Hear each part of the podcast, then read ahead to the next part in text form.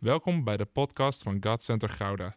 Vanaf deze plek willen we jou inspireren, motiveren en activeren om op een praktische manier je dagelijks leven met God vorm te geven.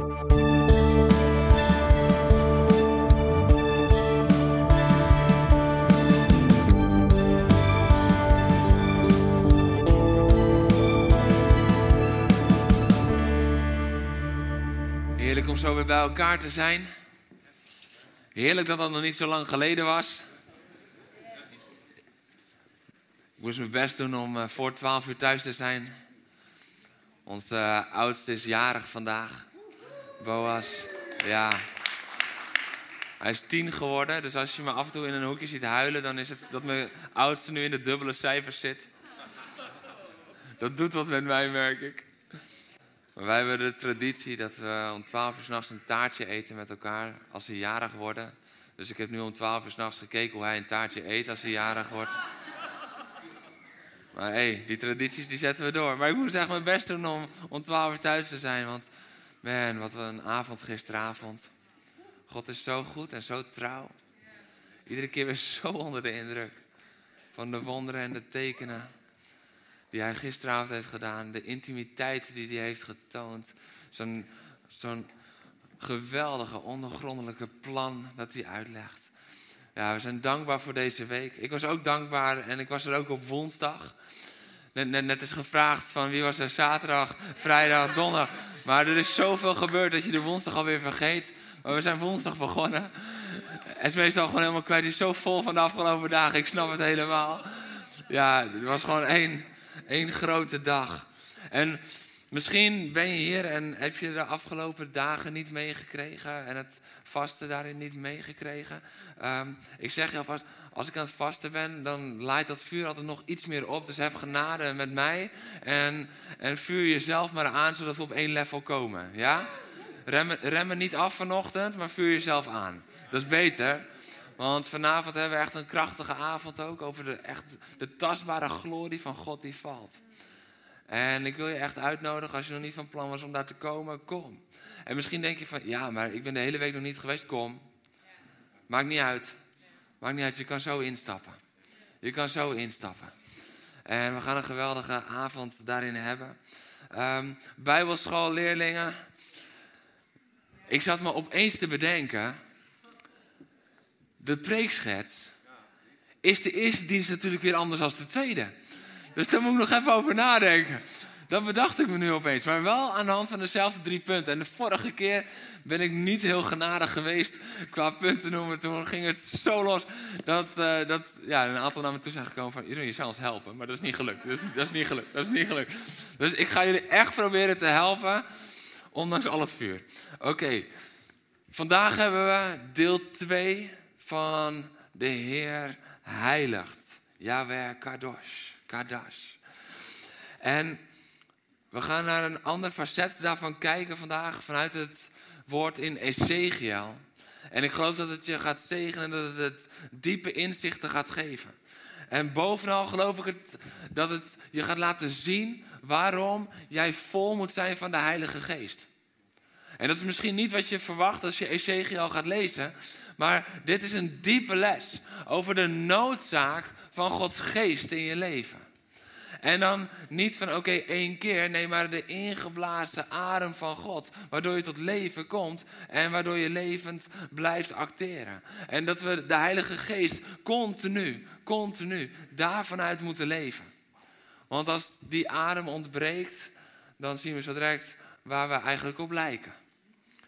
En misschien heeft lijken op wel erg te maken met waar we dan op lijken. Lijken.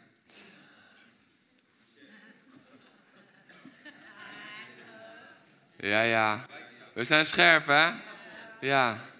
Ja, dit lijkt me een goed punt. Dus laten we gaan staan voor de Heer. Halleluja. Ezekiel, we, we lezen het einde van het verhaal en daarna zoomen we terug. En dan bouwen we weer terug naar dat einde. Yes? Ezekiel 37, vers 26 tot met 28. Zoek hem op in je papieren Bijbel. Ik uh, wacht even. Ik hoor altijd geblader tegenwoordig en dat vind ik lekker om te horen. Halleluja, dat is een goed geluid. Ezekiel 37, vers 26 tot en met 28. daar zegt de Heer, ik sluit met hen een vredesverbond. Een verbond dat eeuwig zal duren. Ik zal hun een vaste woonplaats geven en hen talrijk maken. Mijn heiligdom zal voor hen uh, voor altijd in hun midden staan. Bij hen zal ik wonen. Ik zal hun God zijn en zij zullen mij tot volk zijn. En de volken zullen beseffen dat ik, de Heer, Israël heilig, ik, Yahweh, Kadosh, Israël. Doordat mijn heiligdom voor altijd in hun midden is. Hoe heiligt hij Israël? Doordat zijn heiligdom altijd in hun midden is. Hoe worden we geheiligd? Doordat hij in ons midden is. Halleluja. Je mag gaan zitten.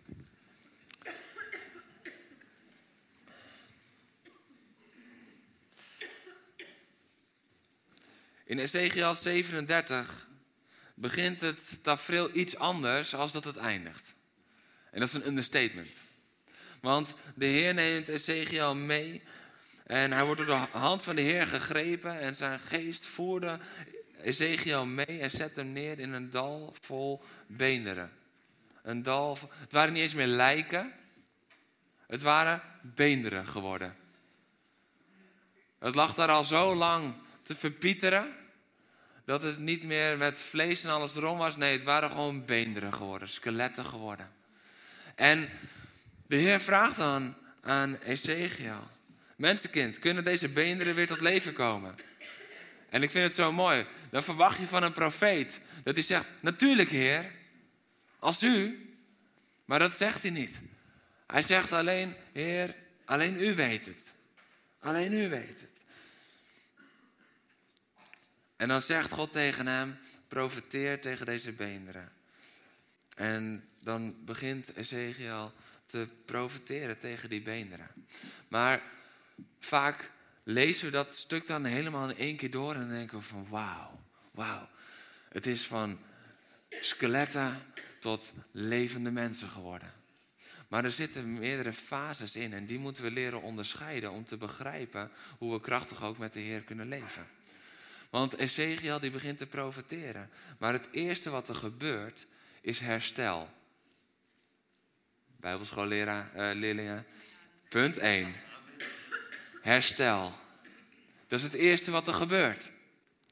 Ik ga ze alvast geven, want dan als ik straks in al het vuur mezelf verlies, dan hebben jullie ze al. Het tweede is dat er nieuw leven komt. En het derde is nieuwe hoop, nieuwe toekomst. Dus eerst is er herstel, dan komt een nieuw leven en dan nieuwe hoop, nieuwe toekomst. En die drie punten gaan we langs met elkaar. Want weet je wat ik zo mooi vind? God doet dingen soms gewoon in stappen. Wij verwachten soms dat het gaat zoals wij het voor ons zien. Of eigenlijk dat we de eerste minuut van een film zien en dan de laatste minuut en alles wat ertussen is, dat God dat zou overslaan. Van ja, u brengt mij van deze chaos, van deze ellende, in rust en vrede. U brengt mij van deze situatie, boem, in deze situatie. En ja, dat is wat God doet, maar hij doet het vaker in stappen. En wij moeten die stappen leren herkennen. Want als we die stappen niet herkennen, dan nemen wij de volgende stap niet met hem. Maar dan zijn we teleurgesteld of gedesillusioneerd of, of noem maar op. Maar het is van groot belang dat we de stappen gaan leren kennen. En die eerste stap is dat hij herstel geeft. Kijk, de Heer zegt dan dat Ezekiel moet profiteren. Dorre beenderen, luister naar de woorden van de Heer. Dit is krachtig, hè? Dat je beseft, dit is wat ons gegeven is. Wij moeten tegen wat dood is om ons heen, moeten we spreken, luister naar het woord van de Heer. Luister ernaar. En in de naam van de Heer kan niets meer stand houden, dus moet het gaan luisteren. Dit zegt God, de Heer. Beenderen, ik ga jullie adem geven, zodat jullie tot leven komen. Ik zal jullie pezen geven, vlees, op jullie laten groeien en jullie met huid overtrekken. Ik zal jullie adem geven, zodat jullie tot leven komen en jullie zullen beseffen dat ik de Heer ben. En dan staat er, ik profeteerde zoals mij was opgedragen. Halleluja. Ik, prof, ik deed gewoon precies wat mij werd opgedragen. Weet je hoe essentieel dit is? Want op het moment dat de Heer tegen Ezekiel zei wat hij moest doen, gebeurde er nog niets in dat dal met beenderen.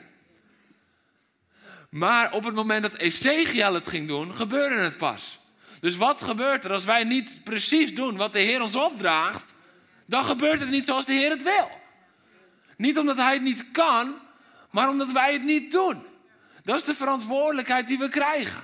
Op het moment dat God ons een opdracht geeft, doe nauwgezet wat Hij heeft gezegd. Wijk niet af van zijn woord, wijk niet af van zijn wegen. Doe wat Hij zegt. Want het heeft effect. Niet alleen op je eigen leven, maar ook op dat van anderen. Stel je voor dat Ezekiel dacht van ja, inderdaad, nou, ehm, dat er pezen komen en vlees, dat geloof ik wel. Maar die adem, dat zie ik niet. Dan was het toch een ander Bijbelverhaal geworden. Want dan had namelijk ook de rest van alle versen van toepassing geweest. Dit is zo essentieel om te beseffen. Je hebt een verantwoordelijkheid gekregen in de samenwerking met God. God heeft ervoor gekozen om door mensen te werken. Pastor Jonathan had het erover, hoe, hoe mindblowing dat eigenlijk is.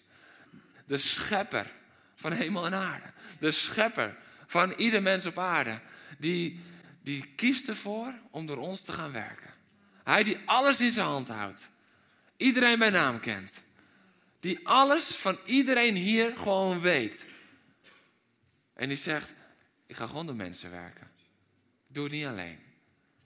Dat is zo groot.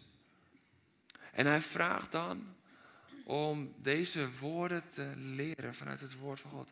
Ik profeteerde zoals mij was opgedragen.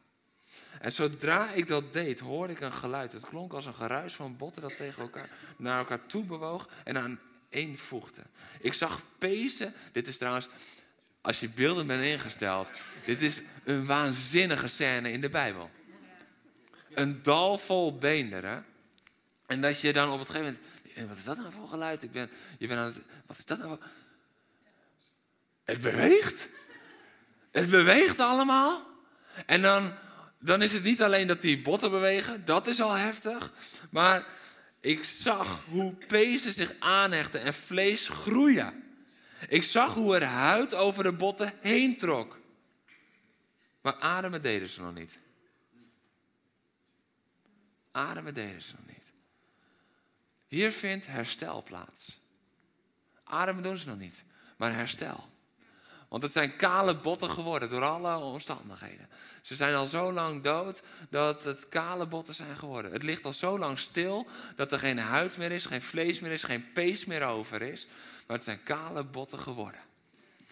En hier leren we de God van herstel kennen. En het gaat dan niet in één keer helemaal zoals wij hadden verwacht. Misschien dat ze gelijk opspringen en het evangelie beginnen te prediken. Maar ze liggen daar. Nog steeds. Maar ze zijn hersteld. Volledig hersteld. Dus op het woord van de Heer herstelt God ieder lichaam dat daar ligt. Ieder lichaam dat daar ligt.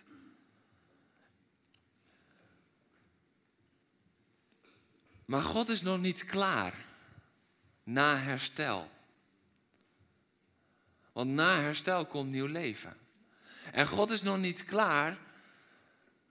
En dit is zo essentieel. Want soms kunnen we zo gefixeerd zijn op dat stukje herstel. Dat we vergeten dat dat herstel niks voorstelt als er geen nieuw leven komt. Wat nou als Ezekiel hier was gestopt? Dat hij zegt van, wauw, dit wonder. Ik ga nu terug naar de rest. Ik ga nu terug naar anderen. En ik ga vertellen wat de Heer heeft gedaan. Maar de Heer zei dat hij moest profiteren. En daar beloofde hij al om adem te gaan geven. Dus op het moment dat je een, een woord van God ontvangt of ervaart of een belofte. En het is deels al in herstel heeft het plaatsgevonden. Maar hij heeft meer gezegd. Wees niet, wees wel dankbaar, maar wees niet tevreden met waar het nu is. Maar wees pas tevreden als God heeft volbracht alles wat hij heeft gezegd. Want Jesaja leert ons dat ieder woord van God eerst zal doen voordat het zal wederkeren. Het zal niet vruchteloos wederkeren. Maar op het moment dat we zeggen van, nou, dit, dit, dit vond ik al zo mooi, dit is zo genoeg. Wat als er herstel plaatsvindt in je hart, maar de nieuwe adem komt niet? De nieuwe kracht komt niet. Dan, dan missen we het uiteindelijk. Want dan leven we nog steeds niet. God kan je herstel hebben gegeven zonder dat je daarvanuit kan gaan leven. En dit is zo belangrijk voor het leven van de kerk en van christenen. Tegelijkertijd, herstel is mega belangrijk. Want dit is ook een fase die heel vaak wordt overgeslagen. Dan wordt er gezegd, en de geest, en de geest, en de geest, en de geest. En als we alles geest maken, dan proberen we botten leven in te ademen. Dus hier zie je ook weer dat God het complete plaatje op het oog heeft. Hij zegt niet van oké, we maken alles geest. We denken, nee, eerst herstel, daarna komt de geest. Want wat hersteld is, kan leven door mijn geest. En die volgordes moeten we wel begrijpen eh, om daaruit te kunnen leven. Dus dit is wat er gebeurt op het moment dat Ezekiel begint te gehoorzamen en te spreken, precies zoals God het heeft gedaan. Er is herstel voor jou. Misschien denk je van ja, maar dat facet in mij, dat is zo dood als een pier. Dat is gewoon een skelet dat daar ligt. Dat dal vol beenderen, nou, daar liggen mijn dromen ook. Als beenderen. Of daar ligt mijn vertrouwen in mensen ook. Als beender. Misschien denk je van ja, daar liggen ook de botten van mijn zelfvertrouwen. Daar liggen de botten van mijn vreugde. Daar liggen de botten van mijn toekomst. We kunnen facetten van ons leven daar in het dal van beenderen hebben liggen. En we denken, we moeten maar leren leven zonder. Maar God zegt, ik wil dat nieuw leven inblazen, maar ontvang dan eerst mijn woord van herstel. Laat mij eerst dichtbij komen met herstel. We gaan zo zien hoe dat herstel plaatsvindt. Maar we gaan niet over het herstel heen praten. Wat zo vaak wordt gedaan. Want als de geest, dan toch. Maar er is een orde van God. Als God het idee had dat de geest daarin genoeg was, dan had hij niet eerst die lichamen zo laten gaan en daarna het leven pas ingeblazen. Dus we moeten de orde van God moeten we volgen en leren kennen om de kracht van God te kunnen ervaren. Als we de orde niet begrijpen, zullen we kracht missen. Omdat we leven inblazen in botten in plaats van in lichamen. God geeft herstel. Dan gaan we nu naar punt 2 voor de cursisten. Zonder de geest van God kan je wel hersteld zijn in je leven zonder dat je tot leven komt. En dit is het punt waar heel veel christenen in Nederland blijven hangen. Dat ze wel het herstel pakken, maar niet het nieuwe leven pakken. En zich dan na jaren afvragen: waarom zit er geen beweging in mijn leven? Waarom zit er geen vooruitgang in mijn leven? Dat is omdat je bent blijven liggen, hersteld, en daar mogen we voor danken, maar dat is nog niet het hele verhaal. Dus als we verlangen bijvoorbeeld naar vanavond de glorie van God, hoe kunnen we dat doen zonder de Heilige Geest? Hoe kan je als christen zeggen, ik ben vol van Jezus, maar ik heb geen behoefte aan de Heilige Geest? Dat kan niet. Je kan niet leven zonder de Heilige Geest. Er is geen leven zonder de Heilige Geest. Want zonder het inblazen van Gods Geest was er wel herstel. En dat is ook weer zo mooi, hè? Daar, daar, daarin zie je van, Jezus heeft wel hersteld al, maar je hebt de Heilige Geest nodig om daaruit te kunnen leven. Leven en niet te blijven liggen. Lig je of leef je? Lig je of leef je? Herstel zonder vervulling is nog geen nieuw leven. Herstel zonder de inblazing van Gods geest, de wind, zoals Ezekiel moest spreken, brengt nog geen beweging voort. Als je je afvraagt, Heer, waarom gebeurt er zo weinig? Heer, waarom zit ik niet in beweging? Heer, waarom loop ik vast? Dan is het tijd om het tweede gedeelte te pakken. Toen zei hij tegen mij: profeteer tegen de wind. Profeteer, mensenkind. En zeg tegen de wind: Dit zegt God de Heer. Kom uit vier windstreken, wind, en blaas deze doden, uh, in deze doden, zodat ze gaan leven. Ik profeteerde zoals hij mij gezegd had, opnieuw. Hij doet zoals het gezegd is. En de lichamen werden met adem gevuld. Ze kwamen tot leven en gingen op hun voeten staan, een onafzienbare menigte. Dit is nieuw leven. Dat er beweging komt. Dat er herleving komt. We bidden zo vaak voor een beweging en voor herleving in de kerk. Nou, dan kunnen we niet alleen maar, alleen maar blijven hangen bij het herstel dat God heeft gegeven. Dan moeten we leven uit de geest en ook de geest prediken. Dan moeten we de geest profiteren. De wind is een van de facetten zoals de geest vaak wordt laten zien, ook in het Oude Testament. En hij moet profiteren tegen de wind, omdat de wind, Gods geest, zoals die al zweefde over de wateren helemaal aan het begin, dat Gods geest daar zou doen wat alleen hij kan doen.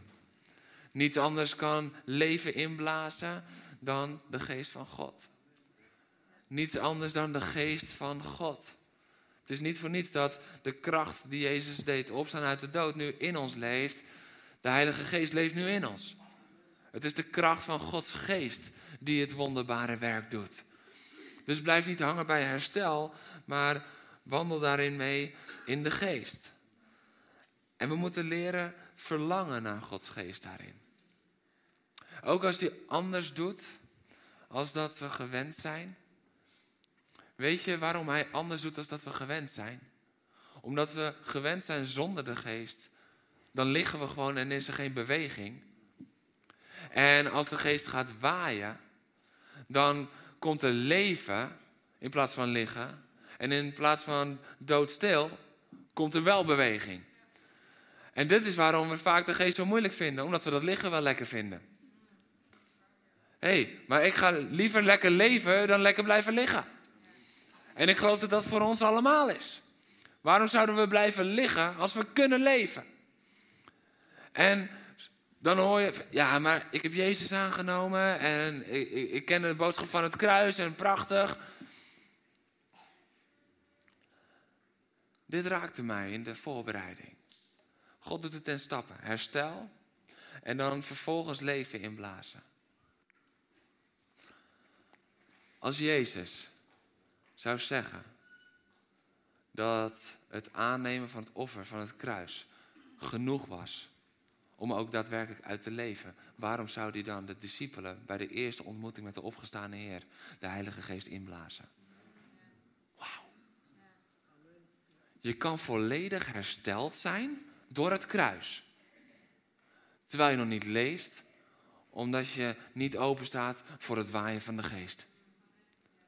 En Jezus begreep, het eerste wat ik moet doen, als ik in Johannes 20 mijn leerlingen ontmoet, is ik wens ze vrede. Dat is mooi hè? Die vrede zijn met u, herstel. Er was onrust, er was paniek, herstel. En ontvang nu mijn Heilige Geest. En hij blies over zijn, ze ontvingen de Heilige Geest. Jij hebt de Geest nodig om krachtig te kunnen leven. Jij hebt de Geest nodig om überhaupt te kunnen leven. Hij moet waaien in jouw leven. En weet je wat ik dan zo krachtig vind? Niet één facet van Gods Geest. Niet twee facetten die lekker voelen, mooi zijn. Nee, uit alle windstreken. Uit alle windstreken komt de wind. Hij moet toespreken dat, dat de wind uit alle windstreken komt. Zodat mensen niet een, een richting van het evangelie kunnen gaan pakken. Zodat mensen niet een smaakje van Gods boodschap kunnen pakken. Nee, maar de geest waait in volheid. En dan kom je echt tot leven. Als we één facet pakken en dat helemaal dan is het nog niet de volheid zoals we hier zien, dat de geest, dat de wind moest waaien. Het is tijd dat we de volheid gaan omarmen daarin. Jezus herstel aan het kruis na de opstanding bracht dat hij kon gaan inblazen de geest. Het is interessant ook hè, dat hij nooit voor de kruisdood heeft gedaan. Daarin zie je weer de orde van God. Eerst moet er herstel plaatsvinden. Eerst moet er weer vlees en huid aan de botten komen. En daarna kan het ingeblazen worden. Eerst moest er herstel plaatsvinden. Eerst moest Jezus sterven aan het kruis om volledig herstel beschikbaar te maken. Volledig herstel te geven. En daarna kon het leven ingeblazen worden. Dit is de boodschap van het evangelie. En als je denkt van ja, maar ik vind het gewoon ingewikkeld. Als de geest zo waait en alles. Dan zeg, zeg dat snap ik. Want als je al heel lang ligt, dan word je stijf. Dit is waarom veel christenen star zijn. En wij hebben er moeite mee omdat ze star zijn. Maar eigenlijk zouden we medelijden moeten hebben dat ze zo stijf zijn. Want die stijfheid staat leven in de weg. Beter gaan we ze pakken en zeggen van... Hé, hey, hey, kijk, kijk naar wat het doet. En kijk naar wat het teweeg brengt. En als je het zelf niet kan, dan ga ik je helpen omdat je zo stijf bent. Maar laat de geest het doen. Wij kunnen niet in hun blazen. Wij kunnen het alleen faciliteren dat de bron kan komen. Want de bron is de Heilige Geest. Kan geen mens iets aan toevoegen. Niemand niet. Maar we kunnen wel laten zien wat het betekent om te leven. Want wat zijn we voor christenen? En hoe aantrekkelijk is Gods kerk? Als we allemaal liggen. En er is, ja, we zijn hersteld hoor. Wow. Maar ik sta nog steeds twintig jaar stil. Dat is geen getuigenis. Dat is geen getuigenis. Als je bent opgestaan en je leeft en je beweegt, waar, waar het eerst liggen was dat het leven wordt, dat is een getuigenis. Maar dat kan alleen door zijn geest. Kun je ook niet op eigen kracht. Je kan nu niet denken van oké, nou ik ben hersteld, dan ga ik het nu doen. Lukt niet. Ik ben hersteld, Heer waai nu in mij. Van alle windstreken. Blaas ze maar omver. Lig je weer even, dan sta je weer op. Blaas ze maar omver. Heer, blaas uw leven in. Zoals Jezus ook deed, na het kruis. Herstel, nieuw leven.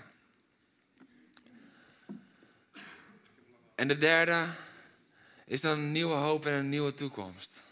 Dus de God die heiligt, die brengt eerst herstel, dan nieuw leven.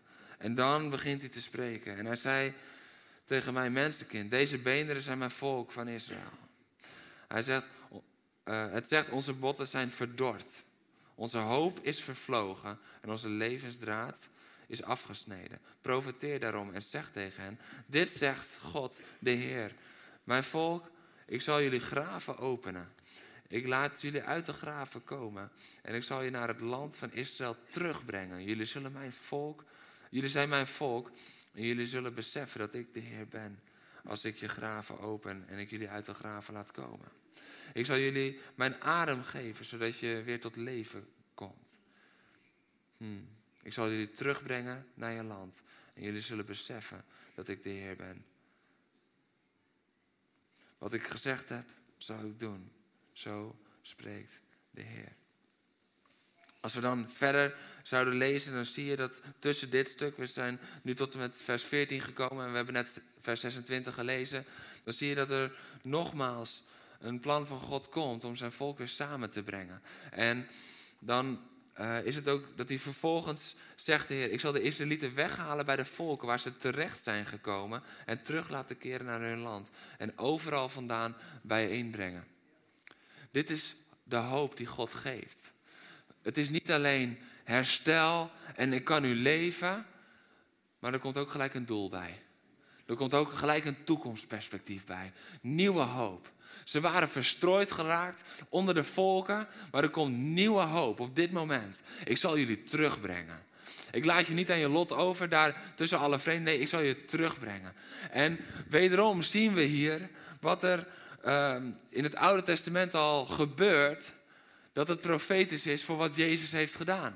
Want wat heeft Jezus gedaan? Hij heeft zijn geest ingeblazen. Daarna moesten ze op de uitstorting van de geest wachten. En wat gebeurt er? Hij brengt mensen weer samen. De kerk is geboren.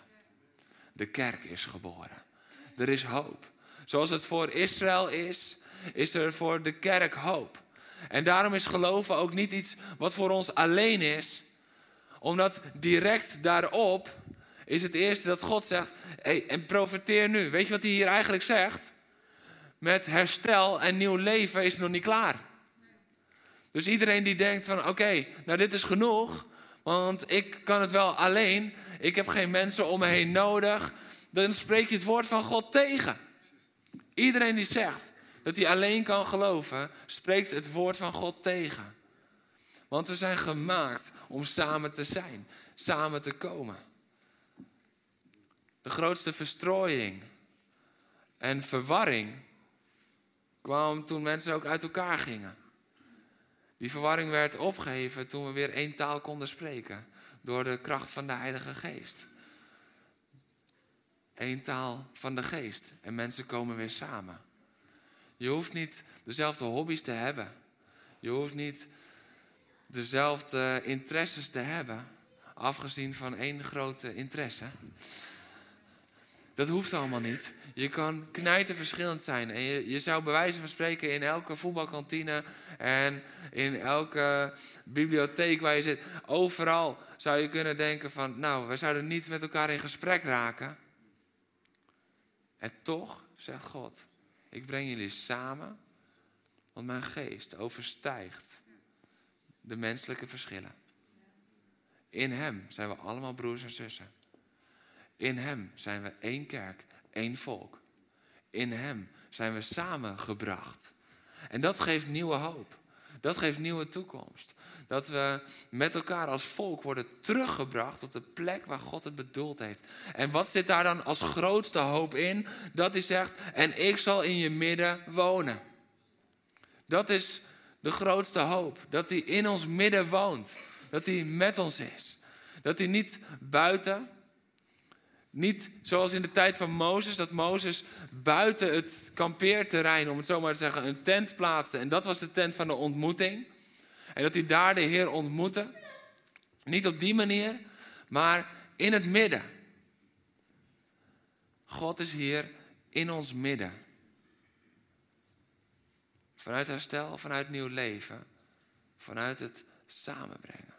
Vanuit die nieuwe hoop, die nieuwe toekomst. Hij is hier in ons midden. En dat is ook de manier waarop hij het volk Israël heiligt. Door in hun, in hun midden te wonen. En dat krijgt dan in het Oude Testament vorm door een grote tempel. En dat krijgt in het Nieuwe Verbond krijgt het vorm doordat wij een tempel zijn geworden. Hij zal in ons midden wonen. En dit is een samenkomst van Gods kerk. Omdat we allemaal een deel zijn van Gods kerk. Waarom? Omdat Hij in ons is komen wonen. Hij zal voor altijd bij hen wonen, zoals wij nu voor altijd de Heilige Geest hebben ontvangen, die in ons is komen wonen. Zijn aanwezigheid in jou heiligt jou. Zijn aanwezigheid in jou heiligt jou. Je hoeft het niet van buiten te zoeken. Je, dit is ook wat ik heel vaak ervaar. Op het moment dat we voor iemand aan het bidden zijn. En soms komt er dan ook iets dat je een woord van kennis, een woord van openbaring krijgt. Dat er nog zonden spelen. Ik heb zelf nog nooit meegemaakt dat iemand zei van, oh joh, had ik nog helemaal niet aan gedacht. Het is altijd een bevestiging. Weet je waarom het een bevestiging is? Omdat Gods geest al lang in je woont en al lang tegen je heeft gesproken, maar je hebt nog niet geluisterd. En dan zegt God, maar dan ga ik gewoon nog iemand gebruiken om het nog dieper binnen te brengen. Maar Gods geest is al in jou. Hij doet het al. En het is zo, zo belangrijk om te beseffen dat we het niet van buiten hoeven te zoeken, maar dat we het van binnen mogen vinden. Niet in onszelf, maar in Hem. Tegenwoordig zegt iedereen, je moet het in jezelf vinden. Nee, niet in jezelf, maar in Hij die in jou zelf woont. Ja, als je bij jezelf gaat, uh, gaat zoeken, dan spreek je volgend jaar, dan ben je nog steeds verstoppertje aan het spelen en zoeken.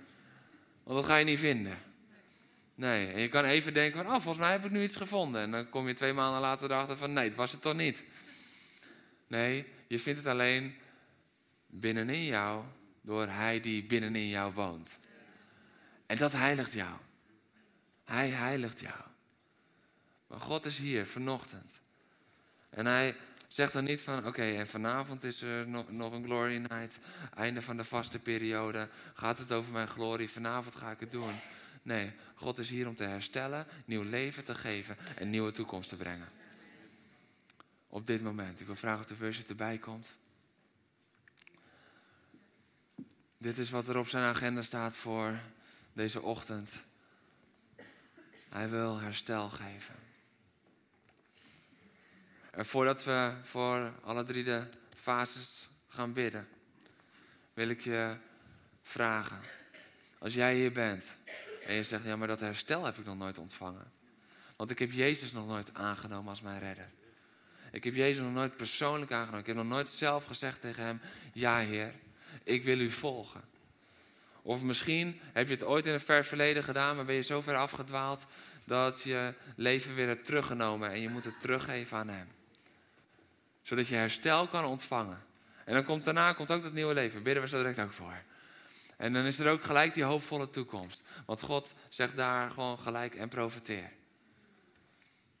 Maar als jij zegt, wauw, ik probeer mezelf al zo lang te fixen. Ik probeer mijn leven al zo lang te fixen, maar het lukt maar niet. Ik heb redding nodig. Dan is Jezus aan het kruis gegaan voor jou. Om jouw herstel te brengen. Om jouw nieuw leven te brengen. Om jou een hoopvolle toekomst te geven.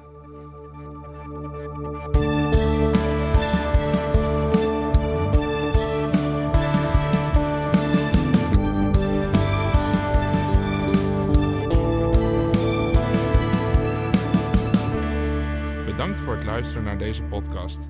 Volg ons op onze kanalen om verbonden te blijven. Heeft deze aflevering jou geraakt? Deel dan op je socials en tag ons, zodat we samen meer mensen kunnen bereiken.